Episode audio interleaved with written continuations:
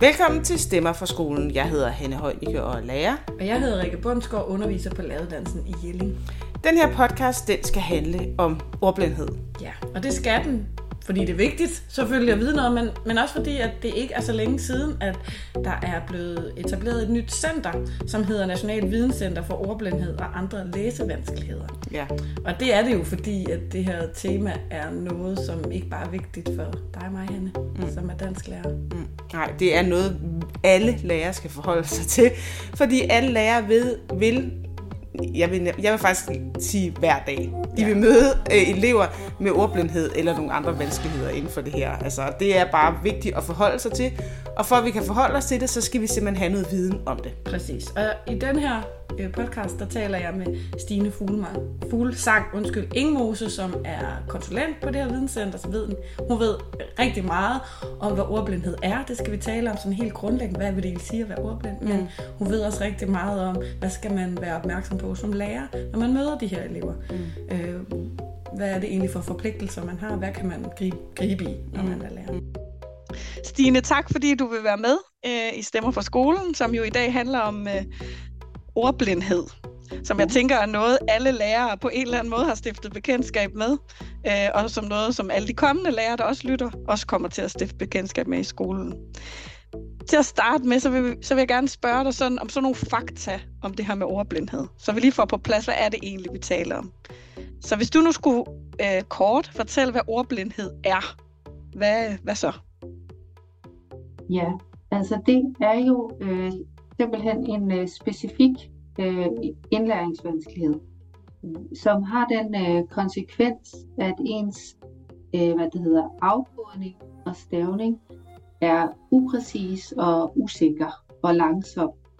Øh, og afkodning, det er jo øh, den del af læsningen, der handler om øh, at finde ud af, hvad er det for nogle, øh, hvad er det for nogle ord, de her bogstaver, de danner. Så når vi læser, så, så det der afkodningsord, det betyder øh, egentlig øh, den her sådan, øh, forbindelse af, af lyd og bogstav, som vi så sætter sammen og laver til et ord, og vi så kommer i tanke om, hvad det ord betyder. Øh, det, det er afkodningsdelen, og det hænger selvfølgelig tæt sammen med stavning. Og det er her, at, øh, at den sådan primære vanskelighed er for de elever, som øh, er, er, hvad det hedder, har ordblindhed.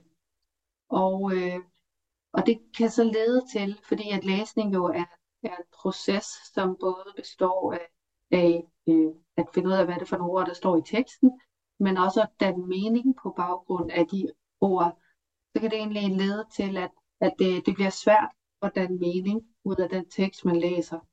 Fordi at øh, den her øh, øh, proces med at finde ud af, hvad er det for noget, nogle ord, der egentlig står, den er der en, en barriere i forhold til. Mm. Øh, vi andre vi bliver jo automatiseret og super effektive til den del af læsningen, som handler om afkodning, og har derfor utrolig meget energi tilbage øh, til det, der handler om at forstå tekster. Øh, så, så på den måde, så bliver, bliver ordblindhed jo også en, en barriere for læring, kan man sige. Øh, fordi at, det, at der ikke er den samme øh, adgang, øh, lette adgang til, hvad det er for nogle ord, der står i teksten. Mm. Og omvendt, når vi skriver, lette adgang til bare at, at skrive de ord, vi gerne vil. Ikke? Øhm, og det øh, bunder jo i nogle øh, underliggende der er nogle forskellige underliggende årsager, men en, en, en af dem, som bliver fremhævet, det er det her med, at, øh, at simpelthen at have, have øh, sådan nogle underliggende fonologiske vanskeligheder øh, og svært ved at få etableret nogle præcise øh, hvad det hedder, fonologiske repræsentationer. Øh, og hvis man ikke har det grundlag, så er det jo svært at få koblet bogstaverne øh, på og, og bruge det sikkert i afkodning af stavene. Så noget, som for os, der ikke er ordblinde, bare sådan næsten er noget, vi ikke tænker over, når vi først har knækket koden, kan man sige. Det, er, det bliver ved med at være rigtig vanskeligt, når man er ord, eller har ordblindhed. Ja, ja det er præcis. Mm. Det, det er det. Det er, det er simpelthen det, der er på spil, ikke? at der, der er noget, der bliver, der bliver ved med at være svært. Så måske kan man nogle gange forestille sig, at hvis der, vi har jo alle sammen ting, vi er virkelig dårlige til at lære, Øh, øh, og hvis man for eksempel skulle bruge øh, rytmisk dans til alt, man skulle gøre i skolen, så vil der være nogle af os, der vil være væsentligt mere handicappede end andre. Mig, mig selv. Eller det at kunne finde vej. Så vi har jo alle sammen de her steder, hvor vi, hvor vi kan genkende det her med, at der er noget, vi bare aldrig rigtig bliver gode til. Mm. Øhm, og det er, det, er så, det er så specifikt på, på det her med at, at finde ud af, hvad er det for nogle ord, der står øh, i, de, i de her tekster, og hvad, hvordan er det, man staver til ordene. Mm. Så når man er ordblind, så er, det, så er det det, man har problemer med. Der er jo også noget, som, som man, og så er der noget, man får problemer med, måske, hvis, ja. øh, hvis det der ikke lykkes. Men som udgangspunkt, så er det kun det at forbinde øh, bogstaver med lyde og knække den kode, der er svært, og ikke forståelsen, når man er ordblind. Nej, og det er jo vigtigt at holde de ting adskilte fra hinanden, ikke? fordi at der, der er noget, der bliver en konsekvens Mm. af at have de her vanskeligheder, og så er der, så er der noget, der ligesom er øh, kernevanskeligt. Mm. Og det er jo selvfølgelig, øh, jo ældre man bliver, desto mere larmer konsekvenserne jo. Øh, øh, fordi at, at vi er jo, øh, hvad det hedder, hele vores ordforråd, hele vores øh, erfaring med tekster og sådan noget, har jo kæmpe betydning for, at vi kan, øh, øh, altså at vi kan deltage i Mm. det, der handler om at, at forstå og, og analysere og arbejde med sproget og øh, skrive de, det ned, vi gerne vil. Ikke? Øh, Mm. så, så, ja. så på den måde så kommer det til at have store konsekvenser øh, for, for alt, der handler om, om sprogforståelse i læsning, Mm. men jo også for skrivning Mm. og erfaring med at skrive øh, tekster. Og det er jo derfor også, at den her podcast ligesom henvender sig til lærere i, i alle fag, ikke? Fordi hvis man har ordblinde elever i sin klasse, så, øh, så, er, så er de jo også ordblinde, når de har tysk, eller når de har biologi, eller alt muligt andet. Det kommer vi til at snakke om, hvad, hvad kan man så gøre som lærer? Men det er nok meget godt lige at slå det fast, at det er Ja, relevant for alle lærere, ikke?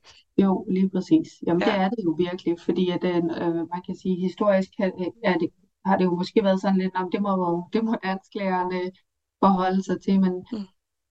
der er jo skriftsproglige krav alle steder, og så, så er der jo også de der sekundære vanskeligheder med, at hvis man simpelthen ikke øh, har den samme erfaring med tekster og med at, at se på tekster, så, så selvom at, at det ikke, selvom at der ikke engang er afkodnings- og stavekrav, så kan man jo være kommet en lille smule bagud Mm. øh, på point, bare Mm. med det sproglige arbejde, ikke? Ja, Så, øh, så det er en vigtig opmærksomhed omkring de her elever, øh, de der afledte vanskeligheder.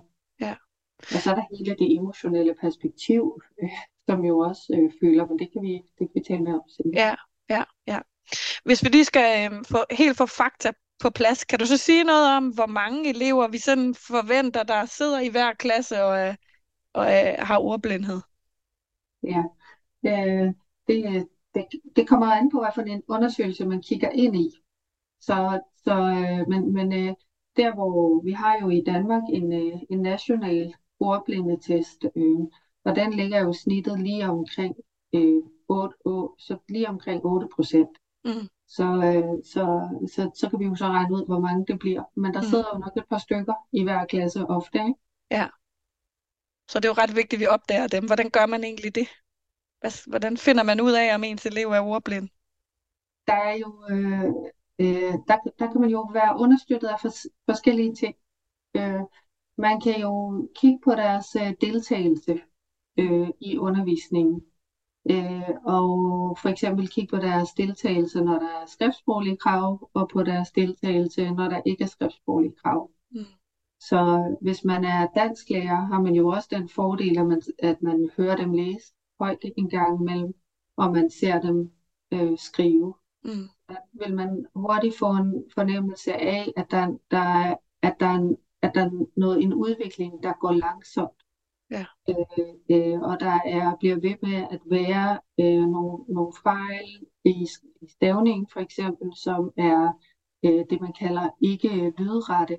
Så, så stavningen vil være præget af, af, af stavefejl, som, øh, som, hvor, hvor du ikke sådan lige kan læse, hvad der står. Mm. Øh, altså, øhm, og du tænker, øh, det, det er ikke lige et staveforsøgsbud, jeg ville have kommet med der. Nej. Eller oplæsningen vil være præget af sådan nogle øh, lidt mere gætteagtige strategier.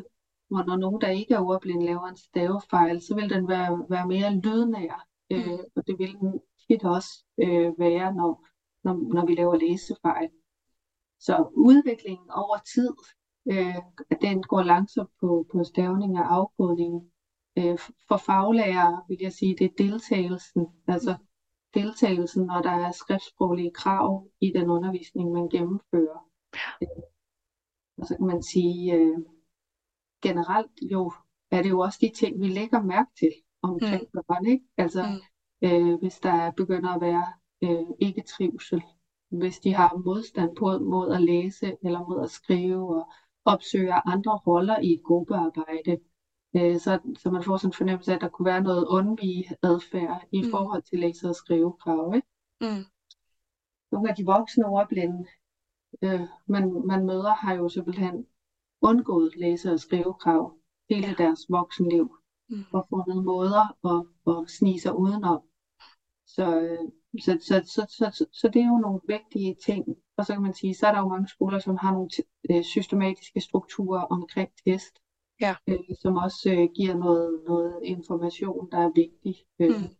og, og, øh, og så, er der, så er læsevejlederen og ordblindelærerne jo ude på skolerne en vigtig øh, sparringspartner her, Mm. hvis man er bekymret øh, for en elev, øh, til at, og lige at råbe op og, Mm. øh, og spørge, hvad der er på spil her. Ikke? Og der tænker jeg, at der skal man så til bare at tage fat så hurtigt som muligt, når der er noget, der bekymrer en. Ja. Øh, Så faktisk hurtigt række ud mod nogle af eksperterne på skolen, som Ja. sidder derude. Ja. brug de eksperter, der sidder derude, fordi at, øh, de, det, det er jo det. De kan for eksempel lave de her analyser af læser- og stavefejl, hvis man selv synes, at det lød lidt uoverskueligt. Øh, Mm. De er super dygtige til at kigge på testene og se, om der er tegn på de her vanskeligheder. Mm. Øhm, så, så det er de, det er de uddannet til at kunne gøre. Så Ja. Ja, så ræk, ræk ud efter dem, og de bruger faktisk også rigtig meget af de her observationer fra øh, lærerne øh, til at få en fornemmelse af, om, om der er det, man kalder funktionelle vanskeligheder, ikke? Altså, Mhm. så, som er det, det der med, at, at ens øh, læsekompetence og skrivekompetence ikke helt slår til i forhold til øh, de øh, krav, man møder. Ja. Det, er jo- det er jo der, vi bliver bekymrede, ikke? Når vi Det er der, det bliver et problem at være ordblind, når der bliver nogle krav, man faktisk ikke kan, Ja. kan leve op til. Ja. Men og, jeg synes, det er, jo en, det er en god pointe, det der med, at nogle gange de børn, som, som ikke vil være med til undervisning, eller man kan opleve som, som forstyrrende, eller ja, som hele tiden skal ud og tisse, eller spids blyanten, det kan faktisk være et tegn på, at man forsøger at slippe for det, som er svært. Mm. Ja. Mm. Ja, det er jo øh, det, det er, det er i hvert fald en opmærksomhed, ikke? Mm. Og det kan jo sådan set både handle om sproglige krav og skriftsproglige krav, men, Ja.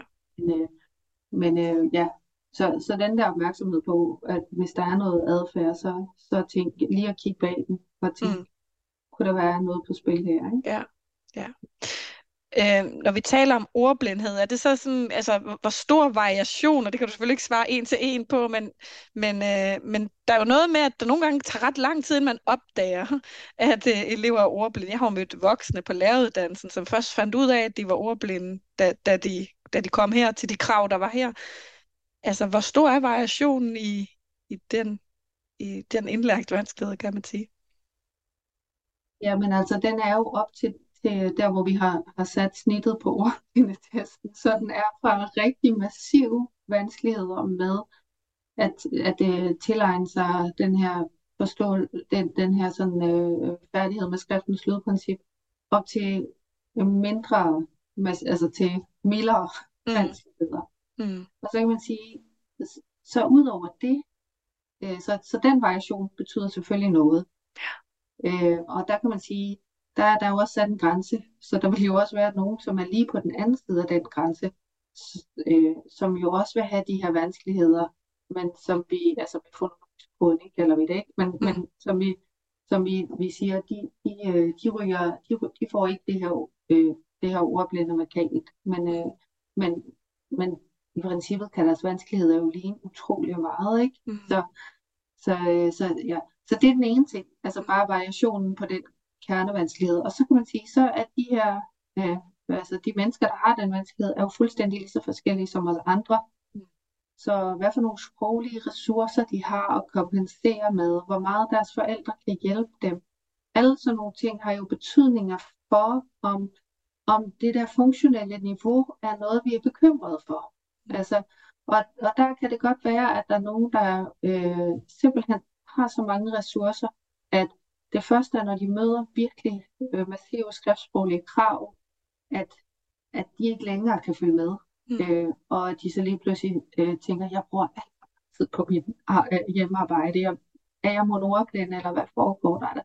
Så der er jo på den måde noget, altså bred variation, dels på grund af øh, den variation, der bare er på den kernevanskelighed, mm. og så på grund af øh, alt det, der har at gøre med, at vi bare simpelthen er forskellige mennesker. Ja. Så nogen har bedre ressourcer rundt om sig til på en måde at klare den vanskelighed, end andre har.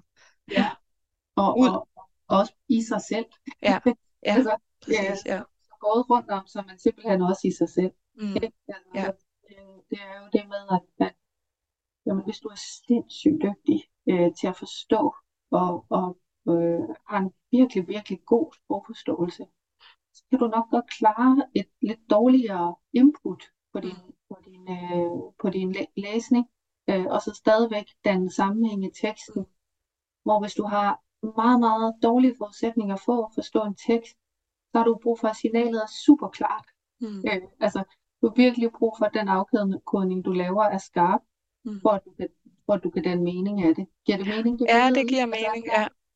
Øh, Så hvis man nu også har vanskeligheder rundt om på nogle andre felter, så kan det være endnu mere problematisk at, Ja. øh, at være ordblind. Ja. det kan det. Mm. Ja, det kan det øh, helt sikkert, ikke? Og hvis du er virkelig, virkelig godt kørende, Ja. så, øh, så, så kan det være øh, nemt at kompensere dig. Vi ved det jo også, øh, altså, ja, dem af jer, der er ude i folkeskolen og er lærere, I, I ser det her nu, ikke? Mm. Altså, mm, der er nogle elever, som får deres læse- og skriveteknologi, og så kører de bare, øh, mm, fordi forældrene lige dækker ind, eller de, det var bare lige det eneste, de havde brug for, og de var super motiverede for at gå i skole. Og så er der de andre, som øh, egentlig får noget teknologi, der kunne hjælpe dem, men som bare ikke, altså I simpelthen ikke kommer i gang, og jo nærmest øh, udvikler modstand øh, Mm. mod overhovedet at åbne deres læ- læse- og skriveteknologi. Ikke? Ja. Det er jo nogle af de her ting, der, der er på spil. Ikke? Så, Ja. så variationen øh, er stor. Det synes jeg er vigtigt også at være opmærksom på som lærer, at vi kan ikke bare tænke, at der er en, en, øh, der er en løsning til de her Nej, elever. nej. Det er jo altså nogle ret forskellige elever, vi sidder. De er ret forskellige, men de har den, den ene ting til fælles, måske at de, Ja. ja. de har den her vanskelighed. Jeg tænker også, at det behøves man jo nærmest ikke at sige mere i disse tider, men dog alligevel, så tror jeg, at der er nogle ordblinde, og det hænger måske sammen med det næste, vi skal snakke om, som er det her med, med selvforståelse, sådan noget, som stadigvæk oplever øh, nogle fordomme om det at være ordblind, øh, som hænger sammen med, øh, at man tror, at, at det forbinder sig til, til ens intelligens.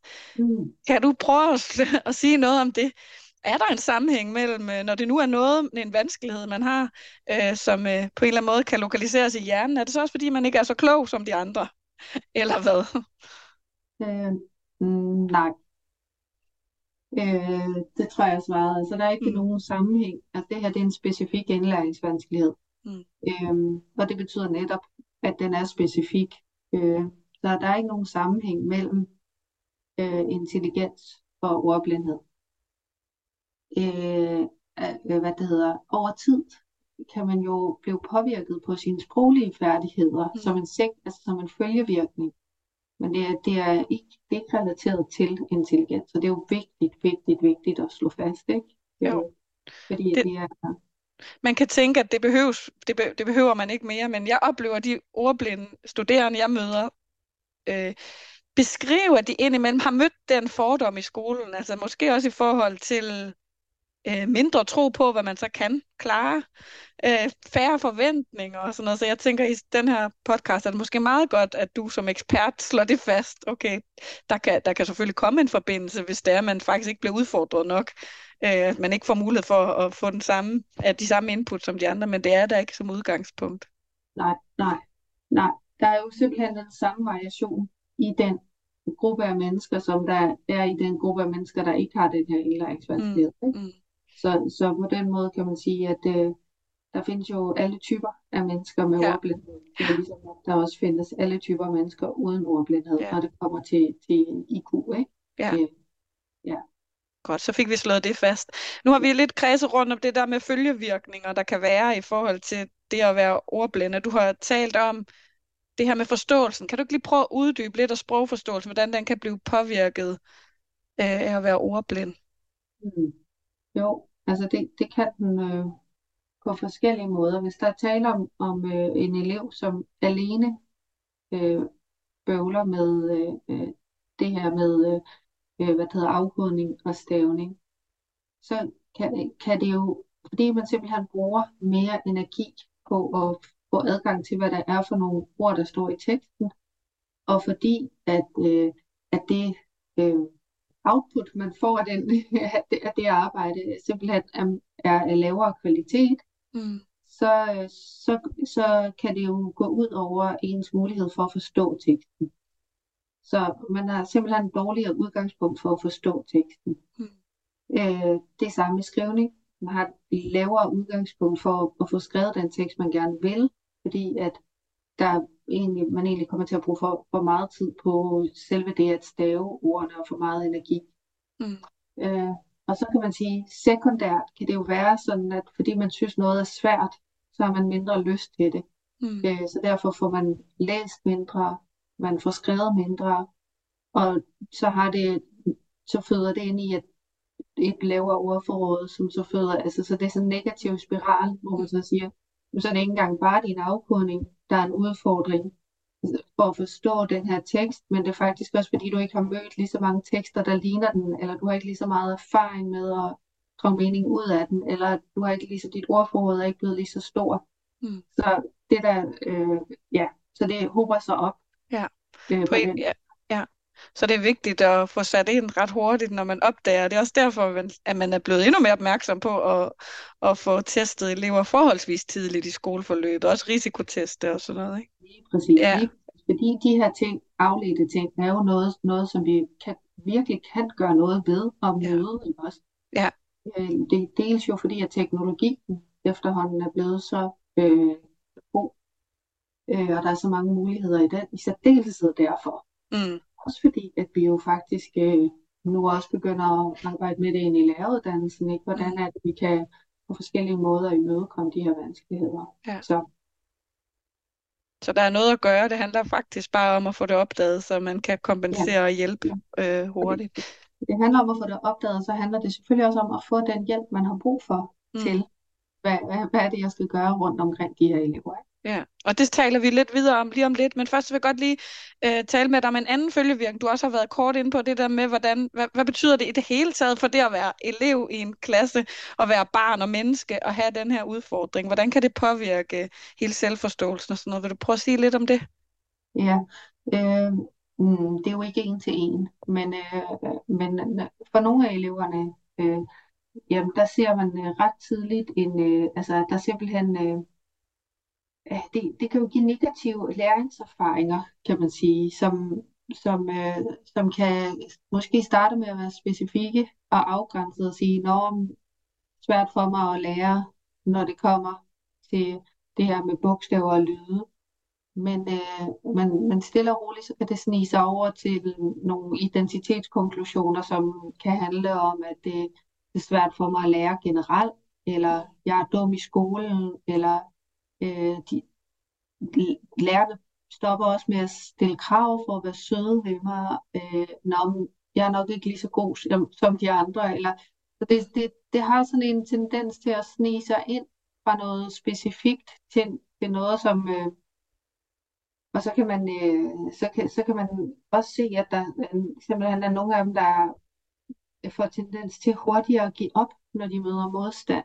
Øh, det man får en fornemmelse af, at det ikke er den indsats, jeg gør, der har en betydning for, øh, om, om jeg kan klare de krav, jeg møder. Mm. Øh, og der er det jo vigtigt, vigtigt, vigtigt på en eller anden måde, at vi, vi holder fast i at stille, stille nogle krav, som gør, at de her elever får øh, positive læringserfaringer og får vendt den der skude, Mm. øh, så, de, så de får den her fornemmelse af, at min indsats har betydning for, hvordan jeg, øh, hvordan jeg klarer mig i skolen. Det jeg gør, øh, øh, har betydning for mine muligheder for at deltage. Ikke? Ja. Så, så ligesom at få, få lagt den der øh, handlemulighed øh, tilbage til dem selv, mm. øh, det, det, er, det er jo rigtig vigtigt. Mm.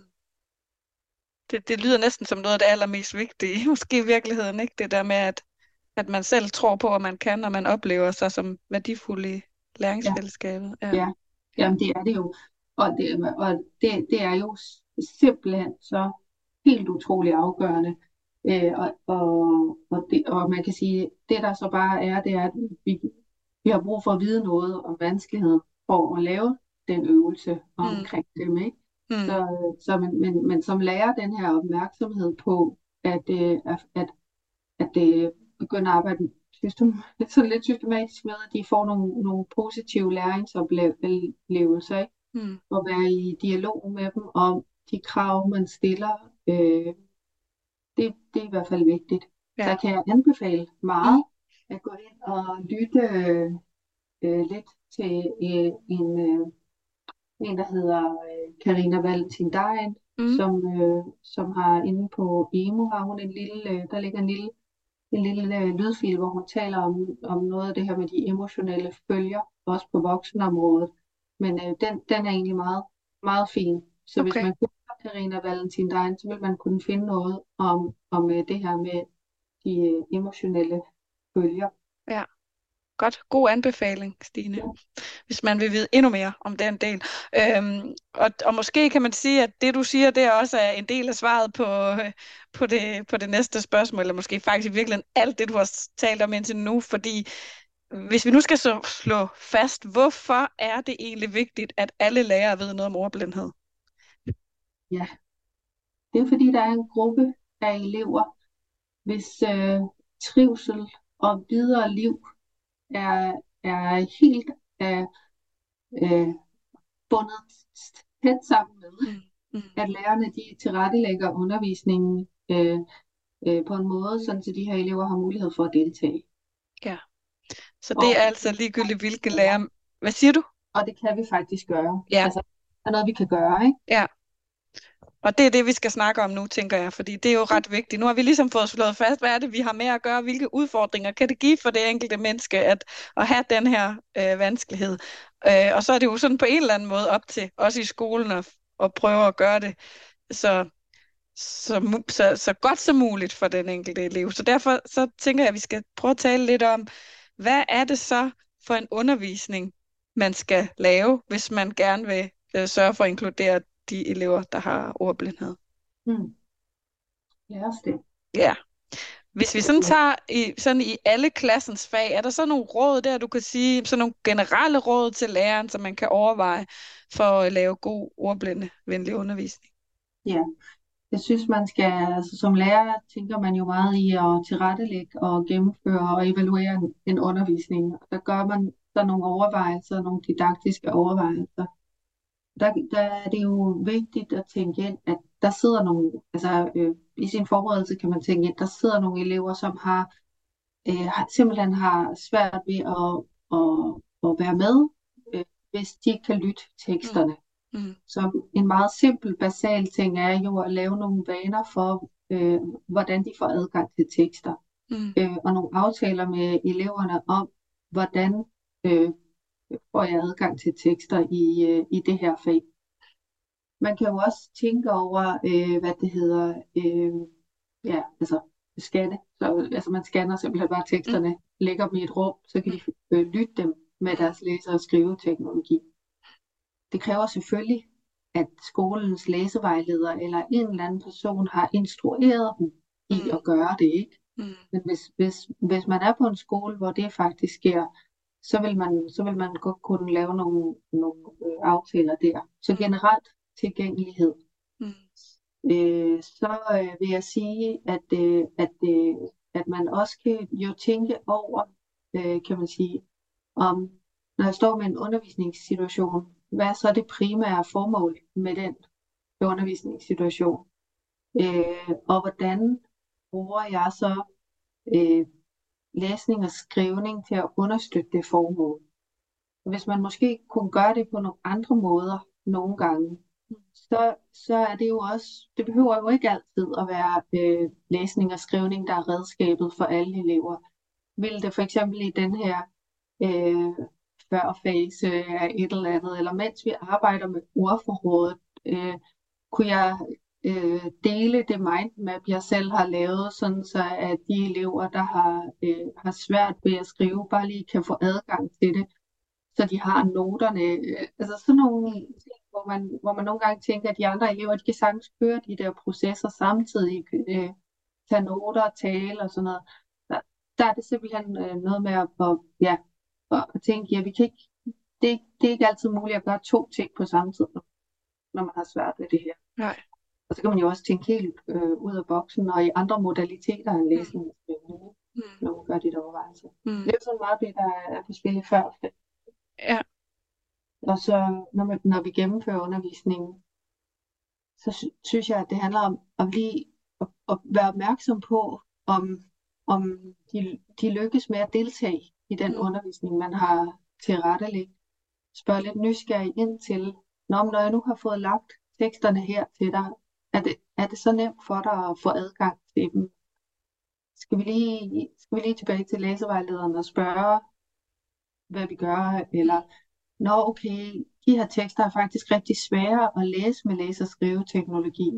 Skal vi, så enten så må vi spørge læsevejlederen, eller også så skal vi finde ud af en anden måde, du kan læse dem på. Altså, du ved, være, simpelthen være i dialog, og det ligger jo også ind i evalueringen, være i dialog med de her elever om deres, øh, altså deres strategier til at deltage i det mm. fag.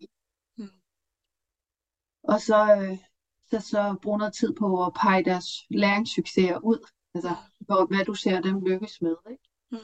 Bringe også nogle af de strategier, de, de laver og har lært, øh, hvis de har lært noget om læse- og skriveteknologi, der kunne være smart for andre elever øh, at høre. Så noget med lige at, at bringe det i spil som noget, der er ligeværdigt i klasserummet, er jo også nogle, øh, er også ret fint at gøre. Mm. Der ligger en del input til det her med læringsmiljøet inde på National Videnscenter for Ordblindhed og andre læsevandskligheders hjemmeside, nbo.dk, mm. øh, under 3. til 4. klasse ordblind, nej undskyld, 3. til 10. klasse ordblindhed og læringsmiljø. Så der kan man godt gå ind og blive inspireret. Så der er nogle... også faktisk nogle film, hvor der er nogle øh, lærere, biologilærer og engelsklærer, som udtaler sig om, hvad er det, de gør. Mm. Der er, nogle, der, er nogle lavt, der er jo egentlig nogle lavt hængende frugter der. Ikke? Ja, jo, man kan sige, det lyder jo ikke, det er jo ikke fordi, det lyder så, som, så, altså, så svært igen. Så ved man godt, når man står derude og lærer, så er der jo en vild kompleksitet, og mange børn, der har brug for særlig hjælp og sådan noget. Men det, jeg hørte dig sige, er, at i forhold til læse-skriveteknologi, så kan man sige, så kan man forvente, at der er en læsevejleder eller en ordblindlærer, der hjælper eleven med at kunne noget, og så er det egentlig lærerens ansvar at sørge for at, at gøre teksten tilgængelig, men også sørge for måske særligt at tale med eleven om, bruger du nu de her redskaber? Hvad kunne du have brug for, at jeg gjorde? Sådan, så, så i virkeligheden, så lad mm. være med bare at lade dem sidde, ikke? Altså mm. faktisk tale med dem som det, det største krav. Eller? Ja, fordi man, man, man kan sige, det, det, det der jo er, øh, er vigtigt, det er, at de får nogle strategier i lige præcis øh, biologi, som, øh, som passer til det fag og til deres forudsætninger. Mm. Og derfor har læsevejlederen faktisk brug for, at biologilæreren bruger sin faglige viden til at gå i dialog med eleverne og se, hvor, hvor, hvor er hullet, ikke? Fordi mm. nogle gange er der lidt et hul fra den instruktion, man har fået i læse- og skriveteknologi, til konkret at anvende det i fagene. Ja. Og der har, er, er lærernes øh, opmærksomhed på det simpelthen guld værd for de mm. her elever. Ja. Så hvis man er i dialog om, øh, øh, det her med at, at altså, have fokus på at få dem til at lykkes med at bruge deres læse- og skriveteknologi, så, så tror jeg, vi kan imødekomme meget modstand mod læse- og skriveteknologi. Ja. ja, den findes jo af en eller anden grund. Ikke? Der er mange elever, der ikke rigtig har lyst til at tage deres øh, computer frem, hvis de andre ikke har den fremme og sådan noget. Og, og tænker du, det løser sig blandt andet ved, at læreren viser sig som, som en, der er interesseret, eller, eller hvad skal der til? Ja, Altså, øh, jeg vil sige, det, det er komplekst, ikke? Øh, så det, der kan nok godt være lidt forskellige svar, men, øh, men et bud kunne jo være, at, at, øh, at der opstår det der hul øh, mellem den instruktion, de får, og så den konkrete anvendelse ind i fagene. Mm. Så de simpelthen har lidt svært ved øh, selv at regne ud, hvordan skal jeg bruge, hvordan, hvordan skal jeg bruge den her læse- og skriveteknologi konkret i fysik. Ikke? Øh, altså, fint, at min lærer har scannet, men ja, der går lige lidt for lang tid, øh, fra jeg får den op og til at lige få markeret og sådan noget, fordi jeg er i gang med at lære det, og så er min lærer allerede videre, så er den ikke en hjælp.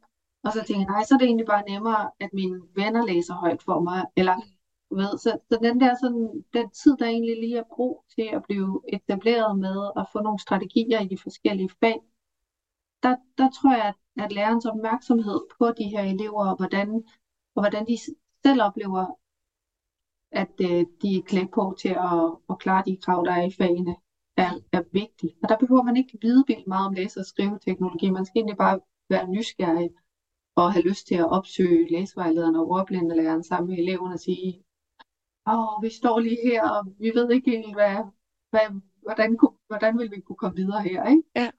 Det tror jeg vil være rigtig meget. Så noget med at tage udgangspunkt faktisk i de konkrete problemer, der opstår, så prøv at løse dem sammen med eleven. Ja. Ja, simpelthen. Så synes jeg også, det der du siger med faktisk nogle gange at tænke i nogle andre modaliteter end skrift, er jo også meget godt råd. Det, det er jo det hele taget, kan man sige, også selvom man ikke arbejder med ordblinde elever, eller det ikke lige er dem, man har fokus på, så det der med indimellem at lave. Tænk, at læring også kan foregå ved, at man producerer noget, uden at skulle bruge ord. Mm. Det er da også meget, øh, altså i det hele taget spændende, og måske sætter jo så også den ordblinde elev i nogle andre positioner i virkeligheden, end den, som altid har lidt, skal have sine teknologier frem og sådan noget. Ja, Ja. helt sikkert ikke. Øh, altså, så, så, så, så jeg synes, at det er, det er jo en kæmpe, altså jeg synes, det er, jo, det er jo sådan noget, som kunne være rigtig spændende at tage i sit fagteam, ikke? Mm. Øh, med nogle af, af den gruppe af faglærere, man er sammen, og så sige, hvad, hvordan kan vi arbejde med, med, altså det kan jo være, at I bare sidder med en masse idéer og har dem lige klar, men det kan også være, at det er noget, man lige har brug for egentlig at tale om. Mm. Hvad, hvad, hvad, for nogle, hvad for nogle modaliteter har I haft øh, held til at, at, at bruge, eller hvordan har I tilrettelagt det her?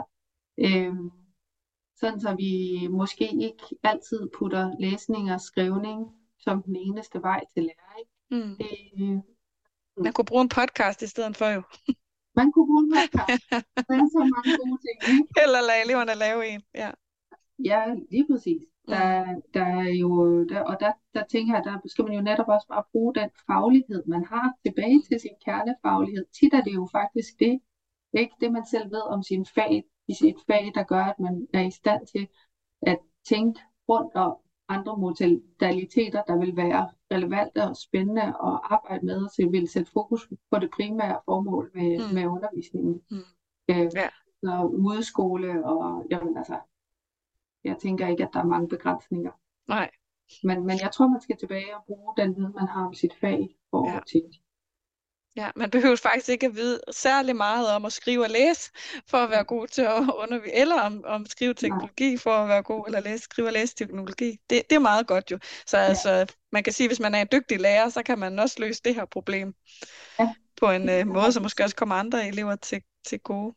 Ja. Øhm, hvi- hvis du nu skulle, måske bare en lidt, øh, en, en lidt sjov øvelse, hvis du skulle sige, hvad skal man ikke gøre, når man har ordblinde elever? Hvad er så det første, der falder dig ind? Hvad skal man simpelthen lade være med at gøre? Er der noget, som man sådan er et, et no-go, når man arbejder med, med, eller har ordblinde elever i sin klasse?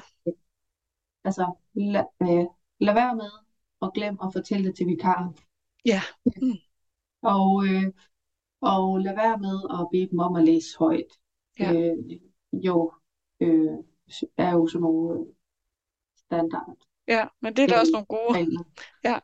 Ja, Vi har alle Øh. sammen prøvet det der med at være vikar, eller høre om nogen, der har været vikar i en klasse, hvor man har skældt en eller anden elev ud, fordi han ikke ville læse højt, eller ja, Ja. det er der ingen Ja. grund til at udsætte dem for det.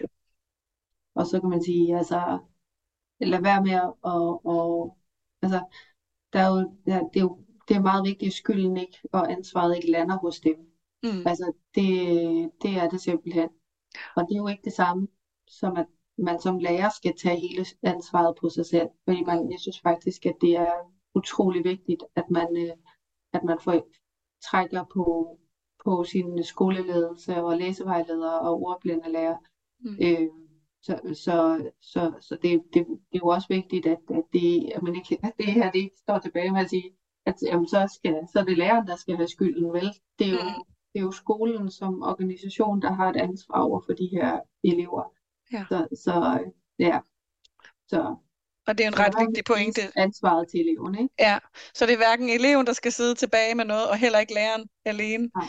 Men, men så man skal faktisk også ture og gå videre til nogle af dem, der har og der må være læsevejledere på alle skoler, og om ikke andet, så har lederen jo i hvert fald, det siger du også, et kæmpe ansvar i den her sammenhæng. Ja, det, det, det er jo øh, med, med alt, der handler om øh, pædagogisk udvikling på skolerne, så har skolevejlederen, øh, skolelederen, ikke vejlederen, Nej. skolelederen har, har jo et stort ansvar for at sørge for, at der er den tid, som læsevejlederne har brug for, at man arbejder systematisk med at klæde eleverne på til at bruge deres læse- og skriveteknologi, at man arbejder systematisk med, at lærerne har mulighed for at få råd og vejledning, men jo også måske altså, øh, kunne gå på, altså kunne få mulighed for at lære noget om øh, læse- og skriveteknologier. Mm. Øh, fordi det, det har jo ikke været en del af læreruddannelsen øh, frem til nu. Mm. Øh, det er jo så øh, heldigvis ændret, øh, men, men øh, Ja, så derfor har skolelederen jo et ansvar for, at man også er klædt på som lærer, mm. og, og har den støtte, som man har brug for. Øh, så ja. ja. Så systematiske rammer for, for at tale om de her elever, øh, tage ja. dem op, vende, evaluere, hvordan går det med deres udvikling? Mm. Er der brug for noget andet? Var det ikke kun overblindhed? øh, øh, nu har vi gjort alt, hvad vi skulle. Mm. Øh, og vi synes stadigvæk, at det går meget, meget langsomt med udviklingen. Altså, mm. Så hele de der systematiske øh, opfølgende arbejde omkring dem, der er skolelederen afgørende. Ja. Så man står simpelthen ikke alene med det her ansvar, men man har et ansvar. Og det kan man mm. sige, det er måske det, vi skal øh, slutte podcasten af med, at vi har alle sammen som lærer et, et ansvar for, at den ordblinde elev udvikler sig. Men man har det ikke alene, og man skal faktisk også stille nogle krav så til skolen som organisation, når man, ja. øh, når man skal have det til at lykkes. Ja. Stine, du nævnte lige kort jeres hjemmeside, øh, Envol. Men mm. måske du lige kan gøre det igen, fordi i virkeligheden kan man sige, at, at nu har vi slet ikke noget at snakke om det her sidste L i, øh, i, i jeres navn, som handler om, at ordblindhed kan også, det kan også, der, kan også være talt, der kan også være andre læsevanskeligheder, vi kunne have talt om i dag. Men hvor er det, man skal gå hen, hvis man vil vide lidt mere? Hvad er det for noget viden, man kan få ind på jeres hjemmeside? Ja, mm, altså National Videnscenter for Ordblindhed og andre læsevanskeligheder er jo et nyt tiltag, øh, som øh, er rettet mod fagprofessionelle, som arbejder med den her målgruppe. Øh, så det er jo lige præcis lærere, for eksempel, og læsevejledere. Og det vi øh, lige i første omgang har gjort, det er, at vi har lavet en, en hjemmeside, hvor at man kan gå ind og sige, hvor arbejder jeg hen? Jamen, jeg arbejder i grundskolen, jeg arbejder 3. til 10. klasse. Og så kan man sige, jeg er bekymret for, at den her elev øh, er en elev, som har, jeg har en ordblind elev i min klasse. Nu går og vælge ordblindhed, og så kan man finde, hvad, hvad vi har kunnet finde historisk øh, omkring forskellige temaer. Øh, så læringsmiljøet for eksempel, øh, organisering, øh, øh hvad det hedder, øh, arbejdet med afkodning og stævning. Øh, så nogle af tingene er mere rettet til læsevejledere, men nogle af fanerne og forældresamarbejdet er der fx også faner. Mm. Så kan man også øh, for, gå ind under andre læsevanskeligheder. Og det står ikke andre læsevanskeligheder, der står øh, sprogforstyrrelser. Mm. Øh, og så står der også øh, de her, som er øh, i lettere afkodnings- og stavevanskeligheder, som ikke er de ordblinde. Dem, der nogle gange bliver kaldt de gule elever, ikke? Ja, i testen der, ja. ja. Så, så man kan også gå ind og undersøge om de her andre sproglige vanskeligheder, øh, øh, som vi har talt en lille smule om. Og der er for eksempel den her sprogforstyrrelse, der hedder øh, DLD, Developmental Language Disorder, som der lige nu er en særlig opmærksomhed på, at det har været ret underbelyst. Mm. Øhm, og, øh, og der, der er nogle, også nogle konkrete tip til ting, man kan, simpelthen lige kan gøre i sin undervisning, for at gøre den øh, lidt, lidt ligesom vi har talt om her med ordblinde, for at gøre den mere tilgængelig for elever, som har de her sproglige øh, sprogforstyrrelser. Mm. Så, så det synes jeg kunne være, det, det kunne være spændende for dig, der tænker, Mm. der er et eller andet mere end det her med ordblindhed, eller der er godt nok en, der har nogle dårlige sproglige forudsætninger her. Hvad, hvad er der på spil? Mm. At dividere, øh, og måske sætte et arbejde i gang med jeres læsevejledere om, skal vi ikke lige kigge lidt her sammen? Mm. Så kan det være DLD måske, der er tale om. Ja.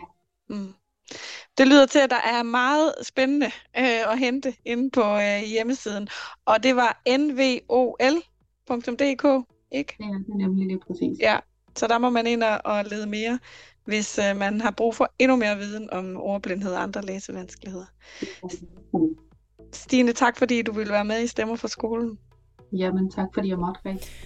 Rikke, jeg møder rigtig mange ordblinde elever i mit arbejdsliv. Og det, der er den vigtige pointe i det, det er, at de er lige så forskellige som alle mulige andre elever. Selvfølgelig er det at være ordblind, der har vi nogle kendetegnende ved det, men den måde, de er det på, og deres vej til at blive diagnostiseret, og den måde, de bruger deres, deres øh, værktøjer på, og sådan noget, den er så forskellig. Altså, og det er bare vigtigt, at man har en viden, og man har nogen at spare med som lærer, synes jeg, i det her, for ellers så kan vi ikke hjælpe dem ordentligt. Nej. Og det er jo virkelig også en af Stines måske allervigtigste pointer, det her med, at det er så komplekst, det her mm. ordblindhed. Ligesom alle mulige, det er jo derfor, det er komplekst at være lærer. Jeg plejer at sige til mine studerende, måske i verdens mest komplekse job. Øh, Og så kan man jo give op og mm. sige, "Mm, det magter jeg ikke, det der ordblindhed, det har ikke noget med mig at gøre, nogen andre må klare det. Og det går jo så heller ikke. Ej, det og, går jeg, ikke. og jeg tænker, at den her podcast er i hvert fald givet et, et, et, et rigtig mange bud på, hvad er det, man skal være opmærksom på, når man møder de her elever. Øh, også selvom de er ret forskellige, og det er rigtigt. Man kan ikke, man kan ikke bare putte en kasse ned over og sige, så gør vi bare sådan her. Nej, fordi du er ordblind, så skal du den her vej. Ja, nej. nej, du skal faktisk, altså alle elever skal være deres vej, og nogen har så en IT-rygsæk og en Mm. ordblindhed med på vejen, mm. men øh, de skal være Og jeg synes også, den her, altså den her podcast, underviser du i geografi, biologi og fysik, kemi, så er den her podcast lige så vigtig, som hvis du bare underviser i dansk. Ja. Altså fordi det er især i udskoling, er det virkelig i nogle af de små fag, hvor de ordblinde elever møder rigtig, meget, ud, rigtig mange udfordringer. Ja.